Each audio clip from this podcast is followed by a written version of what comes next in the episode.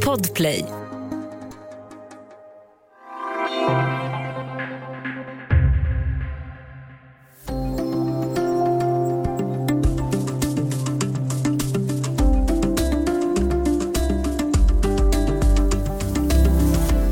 Vem vill inte bli framgångsrik och förmögen? Och vem har inte tänkt att detta att skriva en deckare, det kan väl inte vara rymdvetenskap? Ett otäckt mord, några disparata individer med tidstypiska laster och ett dolt motiv. Hur svårt kan det vara? Eller? Om det ska vi prata idag i Studio DN. Jag heter Sanna Thorén Björling. Välkommen!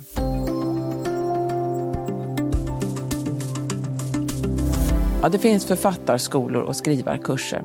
Det finns folk som skriver och skriver och som aldrig kommer längre än till byrålådor och refuseringar. Och så finns det de som kanske till slut får ett förlag. Men så har vi ju de som gör succé på första försöket och som efter en helt otippad debut tecknar kontrakt på tio kriminalromaner. Men hur gör man för att skriva en deckare? Om det ska vi prata med Augustin Erba, som inte bara är journalist och poddens exekutiva producent, utan också själv författare.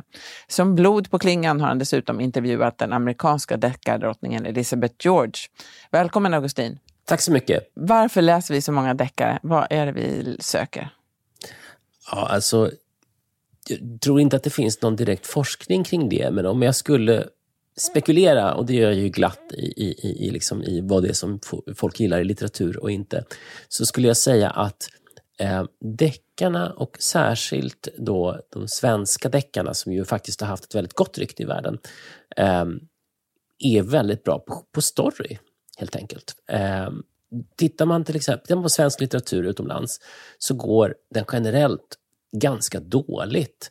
Ehm, Ta till exempel um, Lena Anderssons egenmäktigt förfarande som, som Sverige älskade. Den, den, den är liksom helt, så vitt jag har förstått i alla fall, ointressant i stora delar av världen.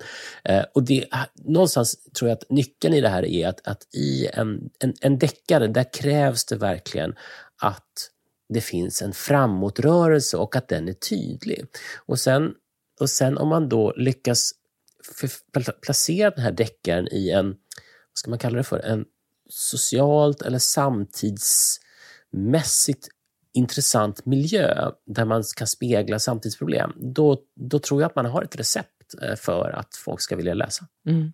Just det där som du säger om att spegla en tid eller en, en samhällsstämning. Eh, det blir någon slags prisma eller en analysverktyg som man går in i, i, i en man ser det här brottet, samhället ses genom det här brottet och hur det eh, nystas upp. Det är så man ska se det, tror du? Ja, men jag, jag, jag tror det. Ehm, sen Elisabeth George då, som, jag, som jag intervjuade, hon, hon är ju eh, en av ja, deckargenrens grand old ladies nu för tiden. Hon är, hon är över 70 och hon eh, var ju som allra störst kanske på 90-talet. Ehm, men hon har ju också använt, använt sina deckare för att, för att skildra ja, men någonting som, hon, som, som eh, ju har varit väldigt intressant på sistone, nämligen internatskolor. Eh, till exempel brittisk internatskola. Eh, och eh, det är ju ett ämne som folk är engagerade i. Jag menar, Harry Potter utspelar sig på en internatskola. Jag har till och med faktiskt mm. läst, läst statistik eh, som säger att, att eh, internatskolor har liksom efter de här böckerna fått någon slags romantiskt skimmer, så man skickar sina ungar till internatskolor i högre utsträckning i till exempel Storbritannien, vilket ju är inte alls är särskilt bra eftersom nästan all, all, alla undersökningar jag har läst om internatskolor är att de är inte alls så bra för eleverna. Förfärliga. Ja, precis. Men det där det är ju en, en bra utgångspunkt också. Hur, vi ska prata nu om hur man gör då, eller hur Elizabeth George gör. Hon har ju, det är ju spännande, hon har ju väldigt konkreta tips. Jag tänkte, vi tar dem inte helt i ordning, för det blir så kravfyllt om man börjar säga att man måste gå upp halv fem på morgonen och så. Eh, vi kan prata lite grann om idéer. Eh, hur, sa hon någonting om hur en bra idé ska vara för en deckare? Ja, eh, alltså e-, Elizabeth George, eh, när hon Eh, hon, när jag pratade med henne, hon var, hon var ju väldigt, jag måste säga att hon var ju väldigt rolig att prata med, för hon var ju väldigt bestämd och så var hon väldigt välorganiserad. Och man förstod att det, det, det är liksom ingen slump att den här personen har liksom fått ur sig 24 stycken, 24 stycken deckare. Eh, och anledningen till att jag pratade med henne var ju förstås att, att, att hennes nya bok eh, heter att, att, skriva en deckare, som precis kom ut här på svenska. På engelska heter den faktiskt inte Att skriva en deckare, utan mer Att skriva en roman. Men, men förlaget här, de förstod nog och jag tycker att de gjorde rätt. De, de menade mer att det handlar om en deckare. Nej, men alltså, hon är ju då eh, hon är ju inte skrivutbildad, utan hon är ju psykologutbildad och, och jobbade som lärare. Eh, och det som den egenskap som hon gjorde och som därifrån hon får sina idéer, det är att hon är en sån fruktansvärt bra lyssnare. Eh, och det var och det, jag menar, det är jättemånga människor som sitter och säger det så här att ja, men mm, mm, är en bra lyssnare och vissa tycker att de själva är en bra lyssnare. Eh, men hon var faktiskt helt otrolig, måste jag säga. Och det märkte jag för att ja, men det var så här, vi, vi, jag kopplade upp mig då eh, via Google Meet och hon, och hon liksom var i sitt hus i Seattle. Hon är ju amerikanska. Det är många som tror att hon är brittisk eftersom hon beskriver brittiska, brittiska miljöer så bra. Men hon är amerikanska. Eh, så, så, så, så då börjar jag med då, som journalist och bara säga, ja, hur står det till? säger man lite trevligt. Och hon bara, ja, det står det till. Och hur står det till med dig? säger hon. Eh, och, jag, och, jag, och, Det där är sådana fraser som man hör hela tiden som journalist. Men, men jag kände när hon sa det så var jag bara så här, ja, nej, men hon vill ju veta hur jag har det nu. Hon, jag, jag känner, hon, hon, den här, det här är inte bara en artig fråga. Det här är en människa som faktiskt undrar hur det är för Augustin Erba på andra sidan Atlanten, som ju också är författare och sådär. Och så där började jag genast tänka, naturligtvis. Ja, men det, det är inte så att jag då har, har, har sålt 100 miljoner exemplar, då, men, men, jag, men det var, så att jag, jag förstår verkligen vad hon menar med att hon var bra lyssnare. Så jag fick ju verkligen jag fick ju liksom säga någonting trevligt så att man inte verkade otrevlig, liksom, men sen liksom snabbt försöka återvända till att prata om henne. För hon var otroligt bra på att, på att få folk att prata. Och det sa hon själv sen att att nej, men hon hatar ju fester och hon hatar att prata om sig själv. Men hon går dit för att fråga folk om saker och då berättar de grejer för henne, saker som de aldrig har berättat för någon annan. Så, att, så att, ehm, det kändes ju som att eh, en del av hennes deckare behöver jag läsa med nya ögon för att det kan vara mer än man tror som är sant. Mm. Så att hon, kan man säga att hon plockar idéer och det som hon ska ta med sig, för, alltså det får hon från, från att lyssna på människor och så väver hon ihop det här? Ja, alltså dels är hon väldigt bra på att lyssna på människor, tyckte jag. Eh, och sen har hon ju en otroligt, mm, alltså en researchambition som verkligen är, är alltså väldigt avancerad. Hon åker alltså till all, alla platser som förekommer i hennes böcker. De platserna åker hon till och så dokumenterar hon. Och hon dokumenterar hur det luktar, hur det ser ut, vad hon känner. Eh, hon, hon, hon fotograferar, hon pratar med folk. Eh, så att hon får liksom en otroligt bra miljö, alltså otroligt bra scen, scener. Så att det som ofta kan, det som, det som ofta, det som ofta kan, kan eh, brista i, i, i, i, i många deckare är ju just att, att det känns väldigt och det, här har hon ju metod för som hon pratar om. Hon kallar det för MUF, kallar hon det för. Metod för att undvika talande huvuden. Om man, en del deckare och thrillers, när man läser dem så får man liksom känslan att det utspelar sig i någon slags tomt, blankt rum. Där det liksom bara är två huvuden som pratar. För att liksom de här författarna är bra på dialog, men de är liksom inte bra på, på scenen eller situationen. Men, men Elizabeth George är väldigt noga med att, liksom att, att, att ha en scen och Eh, och att skapa en situation så att, så att eh, vi som läser verkligen kan se framför oss var vi är. så. Ska man se det så? För att du, du säger någonting här som är väldigt, tycker jag, viktigt, eh, lite mellan raderna, men man ska inte börja skriva för tidigt. Är det det som är själva rådet här? För hon lägger ner enormt mycket krut på, på research. Eh, ja, alltså om du frågar Elizabeth George så skulle hon säga det, men om du frågar mig så... så, så alltså, det är inte... Det är olika för olika författare, tror jag. En del människor behöver göra en gigantisk research för att sätta sig och skriva. Andra människor börjar skriva direkt och sen så ser de så här, ah, okej, okay, den där platsen, den blev eh, kvar i min sista version. Okej, okay, då måste jag åka dit och kolla hur det ser ut så jag kan skriva liksom tre trovärdiga rader om det. Så jag tror att det är väldigt olika. Men för Elizabeth George är det, är det helt uppenbart att hon lägger ner... Hon har ett väldigt komplicerat nät av rutiner kring sig och där är den här researchen eh, på platser, eh, det är liksom en av dem. Men hon har flera andra grejer som hon gör som är väldigt liksom, eh, komplicerade. Och de ska vi återkomma till alldeles strax när vi kommer tillbaka.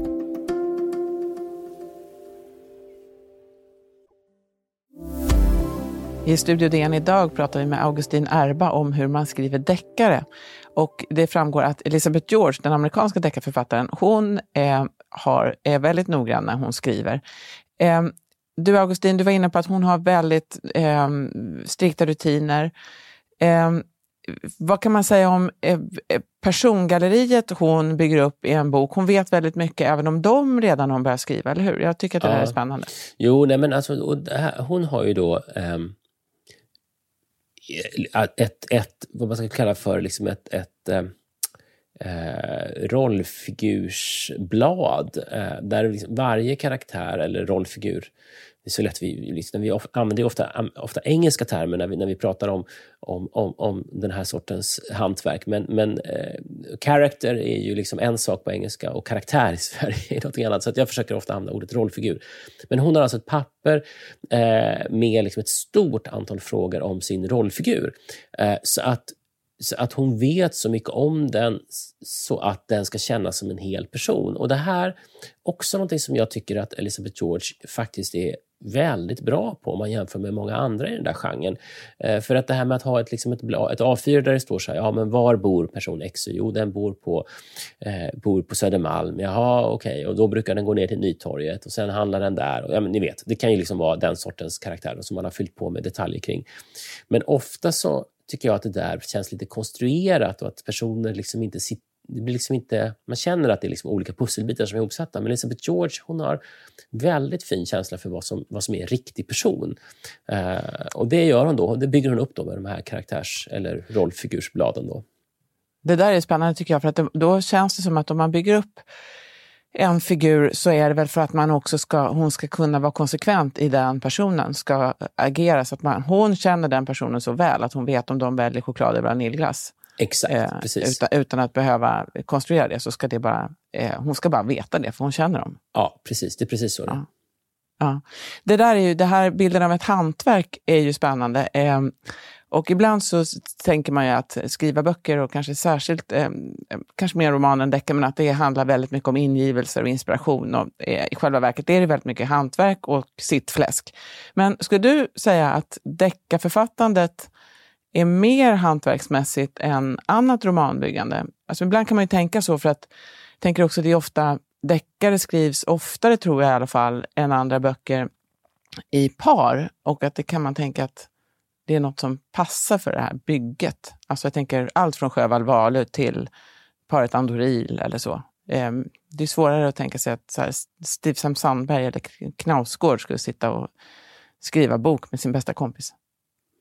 Ja, han skulle kanske skrivit bok ihop med, med sin exfru. Hon är också en bra författare, det hade varit roligt. kanske. Men, ja. ähm, men ja, jag tror, jag tror så här att, att det, du kan ha en poäng i att, att um, på vissa sätt så ställs det ju ett väldigt specifikt krav på en deckare som inte ställs på en, en skönlitterär roman. En deckare måste ju vara spännande. Eh, och en roman behöver inte vara spännande. Jag tycker att det skrivs så många tråkiga romaner, ska jag säga. Men, men, men en deckare, så att en deckare har ett väldigt specifikt syfte och då måste man ju veta hur man gör just det. Men samtidigt så är det väldigt många deckare som brister i gestaltning eller som, jag menar, jag menar ta... En deckare måste ju också ha ett mål. Den, du, måste ha ett, du måste ha ett slut i en deckare som du kanske inte behöver på samma sätt i en roman. Eh, alltså brottet måste ju ändå eh, lösas. Ja, kan, ja, i och för sig, alltså det beror lite grann på tycker jag. Det, det är inte nödvändigt egentligen. Det, det, är nog mer huret, att, att den här vägen till vad det nu blir för slutpunkt ska, ska, ska vara spännande. Um, men om man tar till exempel um, det var ju faktiskt väldigt roligt, jag måste bara berätta om det. Det var ju så roligt, för hon, hon, det var ju två saker som var lite oväntade med Elizabeth George. Det ena var ju att hon hade en strävhårig tax som, som, som hon älskade över allting annat. Um, och det andra som var roligt, det var att när vi pratade just om det här hantverket, alltså hur bär man sig åt? Jag, menar, jag frågade henne, så här, men all den här researchen, blir du inte liksom frestad att stoppa in det i romanen? För det vet man ju, det har man ju sett hundra gånger. Folk som skriver, som gör jättemycket research och så känner de så här, men nu har jag ju faktiskt gjort all den här researchen, det måste jag ju visa. Och så är liksom boken full av så långa, otroligt tråkiga partier om något jävla café. Ja, det blir så och, tråkigt. Ja, det blir så tråkigt, jag vet. Eh, och då var hon så här, bara, nej men det, ja, det är en svår konst så här. Och, och så sa hon så här, och det är någonting som till exempel Dan Brown misslyckas med kapitalt. Eh, och det var ju lite roligt, så här. plötsligt så, den här lite snälla damen i 70-årsåldern som bara så här, högg kniven i ryggen på kollegan Dan Brown där. Eh, men hon har ju helt rätt i det, för att om man tittar på Dan Browns böcker, till exempel Da Vinci-koden, Tittar man på hantverket där så kan man säga att han är otroligt bra på cliffhangers.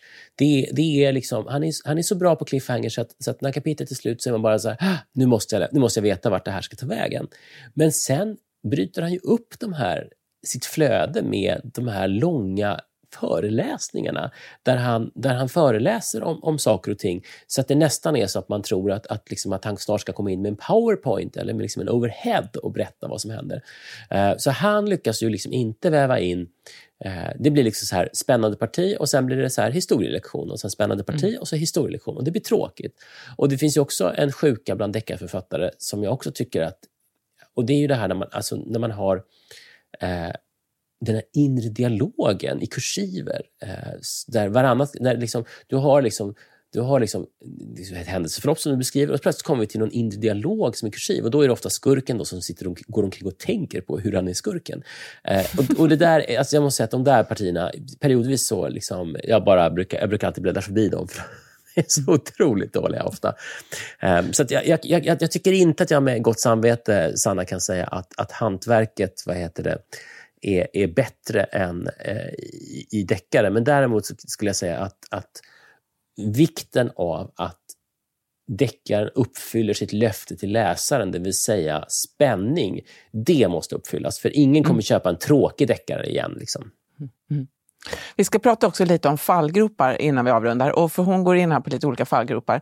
Eh, hon verkar vara extremt disciplinerad, så det här att gå upp extremt tidigt på morgonen och så verkar inte vara ett problem för Elizabeth George. Nej, hon går upp klockan, eh, hon går upp klockan, hon går upp klockan 04.35 varje morgon. Och när jag frågade henne så här, varför just 04.35? Då sa hon så här, ja, men därför att om jag säger att jag går upp 04.30 så låter det så brutalt. Ja, jag tycker att det är brutalt, 0435 också, hon får ursäkta. Men eh, hon, skriver, och hon säger också någonting om det här att hon har fått rådet själv att inte ge upp. Eh, alltså är disciplin ett sätt att inte ge upp? Och hur gör man för att inte ge upp? Det är ju jättesvårt. Ja, alltså det där, är ju, det där, det där att inte ge upp är verkligen en blandad eh, kompott. För att å ena sidan så, så är det ju förstås så att om du fortsätter att skriva och utmana dig själv och bli bättre på det, då är det klart att det lönar sig att inte ge upp. Um, eller kan löna sig att inte ge upp. Uh, och Det rådet fick hon nog när hon var ung och träffade en annan deckardrottning, P.D. James. Uh, och då, det var precis när Elizabeth George själv hade blivit refuserad med, med en roman. Och sen så träffade hon P.D. James där, berättade att hon blivit refuserad och P.D. James sa så här, men du, du har ju skrivit en roman, det är ju något som många människor drömmer om. Ge inte upp nu. Och då gav inte, och då fortsatte Elizabeth George. Men Alltså, jag skulle säga att det är liksom det här, det här, med att inte ge upp, det är lite grann som tio, den här myten om 10 000 timmar. Du vet Sanna, vi har pratat mm. om, den, någon gång förut. Och Det finns ju någon myt om att om man bara håller på med någonting i 10 000 timmar så blir man bra på det. Men det är inte riktigt sant. Utan det, det, det handlar om hur hur mycket man utmanar sig själv också. För att jag skulle kunna spela, om jag spelar Broder Jakob på pianot i 10 000 timmar nu, då kommer jag bli ja, då kommer jag, jag kommer inte lära mig någonting mer. Jag, då kommer jag bara kunna spela Broder Jakob. Men om jag hela tiden pressar mig liksom, och tar, lä, har en lärare eller, eller liksom försöker göra saker som jag inte redan kan, då kan, då kan jag bli bättre. Men det är inte självklart så. Så jag skulle säga att, att eh, ge inte upp, men liksom, lyssna på kritik. Ehm, det var en av de saker som hon gjorde. Då. Hon fick ju feedback då från, från förlagen och, och, och skrev om utifrån det och var väldigt lyhörd mot, mot, mot, mot, mot sin förläggare. Så att ge inte upp är liksom bara... Det är en, ge inte upp och disciplin, liksom. det, är, det är två grundpelare, så, men sen måste det till mycket annat. Var envis på rätt sätt då helt enkelt. Eh, sista frågan då. Är du som har skrivit böcker, har du själv funderat på att skriva deckare? Uh, ja, jag har faktiskt till och med skrivit en uh, för, för uh, ja, vad är det nu, 15 år sedan. Men den blev inte så bra. Um, den blev inte så bra. Um, men det är roligt att skriva deckare. Så jag kan verkligen förstå varför folk gör det. Och jag kanske, kanske jag gör det någon gång igen. För att, eh, och den blev inte publicerad, ska jag säga naturligtvis, eh, för den var ju för dålig. Eh, det var inte bara jag själv, som, det var inte någon slags ödmjukhet här, att den var, inte, den var verkligen för dålig. Eh, nej, men, eh, det, det, är något roligt med att skriva deckare, därför att, därför att med deckare så är det väldigt många saker som... som det, finns, det är en väldigt tydlig genre, och så fort man har en väldigt tydlig genre att göra, som du var inne på tidigare, här, så här, det ska helst ska det dö någon ganska tidigt, det ska finnas en tydlig skurk och så vidare. Så fort man liksom hittar, hittar det där, då, då eh, Eh, då är det roligt att skriva för att man har en så tydlig ram. Och Det var ju det som, som Agatha Christie var så bra på. Jag vet att vi, vi har ju redan pratat alldeles för länge, men jag måste bara få berätta hur Agatha Christie skrev sina deckare. Eh, för hon, hon är ju världens mest framgångsrika deckarförfattare. Och det hon gjorde var att hon skrev sina deckare så att hon skrev dem utan att veta vem det var som var mördaren. Så hon skrev boken helt klart, alltså från start till mål. Person dör, sen dör nästa person, eller nästa person, misstankar överallt. Så här, men vem är det? Vem är det? Vem är det? Eh, och det har hon inte bestämt. Utan sen när hon har liksom skrivit klart, då går hon tillbaka i boken och så tittar hon så här, vem är det som skulle kunna ha gjort allt det här? Så, vem är den enda som är liksom inte... Och då så justerar hon bara lite, lite grann så att det är möjligt att det är den. Eh, och då, vad heter det, så, och Det är därför som eh, det ofta kan vara svårt att veta vem det är som är skurken i, i Agatha Christies deckare. Det är oftast den minst troliga personen, men det är just därför att hon har liksom använt någon slags skön reverse engineering. Jag ska också säga att det finns ju en nackdel då med att, med att bygga en deckare på det sättet. Eh, och Det märks ju framförallt i hennes Hercule Poirot-romaner. Och Det är ju att eftersom vi inte har fått veta var, hur liksom brottet gick till stegvis, utan det kommer som en överraskning i slutet. Då måste ju någon förklara hur det har gått till och det är då man har de här e-, evighetslånga scenerna på slutet med Hercule Poirot som bara så här, haha! Och då klev, klev, klev betjänten in och då minsann, alltså det är de där, liksom, det är liksom nackdelen. Så. Men då har man i alla fall haft en bra resa fram till slutet man kan liksom lära sig att det finns lite regler och hantverk man kan ägna sig åt och sen kan man vända det upp och ner om man känner för det. Men det enda regeln är att gör det du ska, gör det bra. Ja, det, är, det är bra tumregler, Sanna. Gör det bra. Tack ska du ha, Augustin. Tack så mycket. Studio DN görs för Podplay av producent Sabina Marmelakai, exekutiv producent Augustin Erba, ljudtekniker Patrik Miesenberger, teknik Oliver Bergman, Bauer Media och jag heter Sanna Thorén Björling.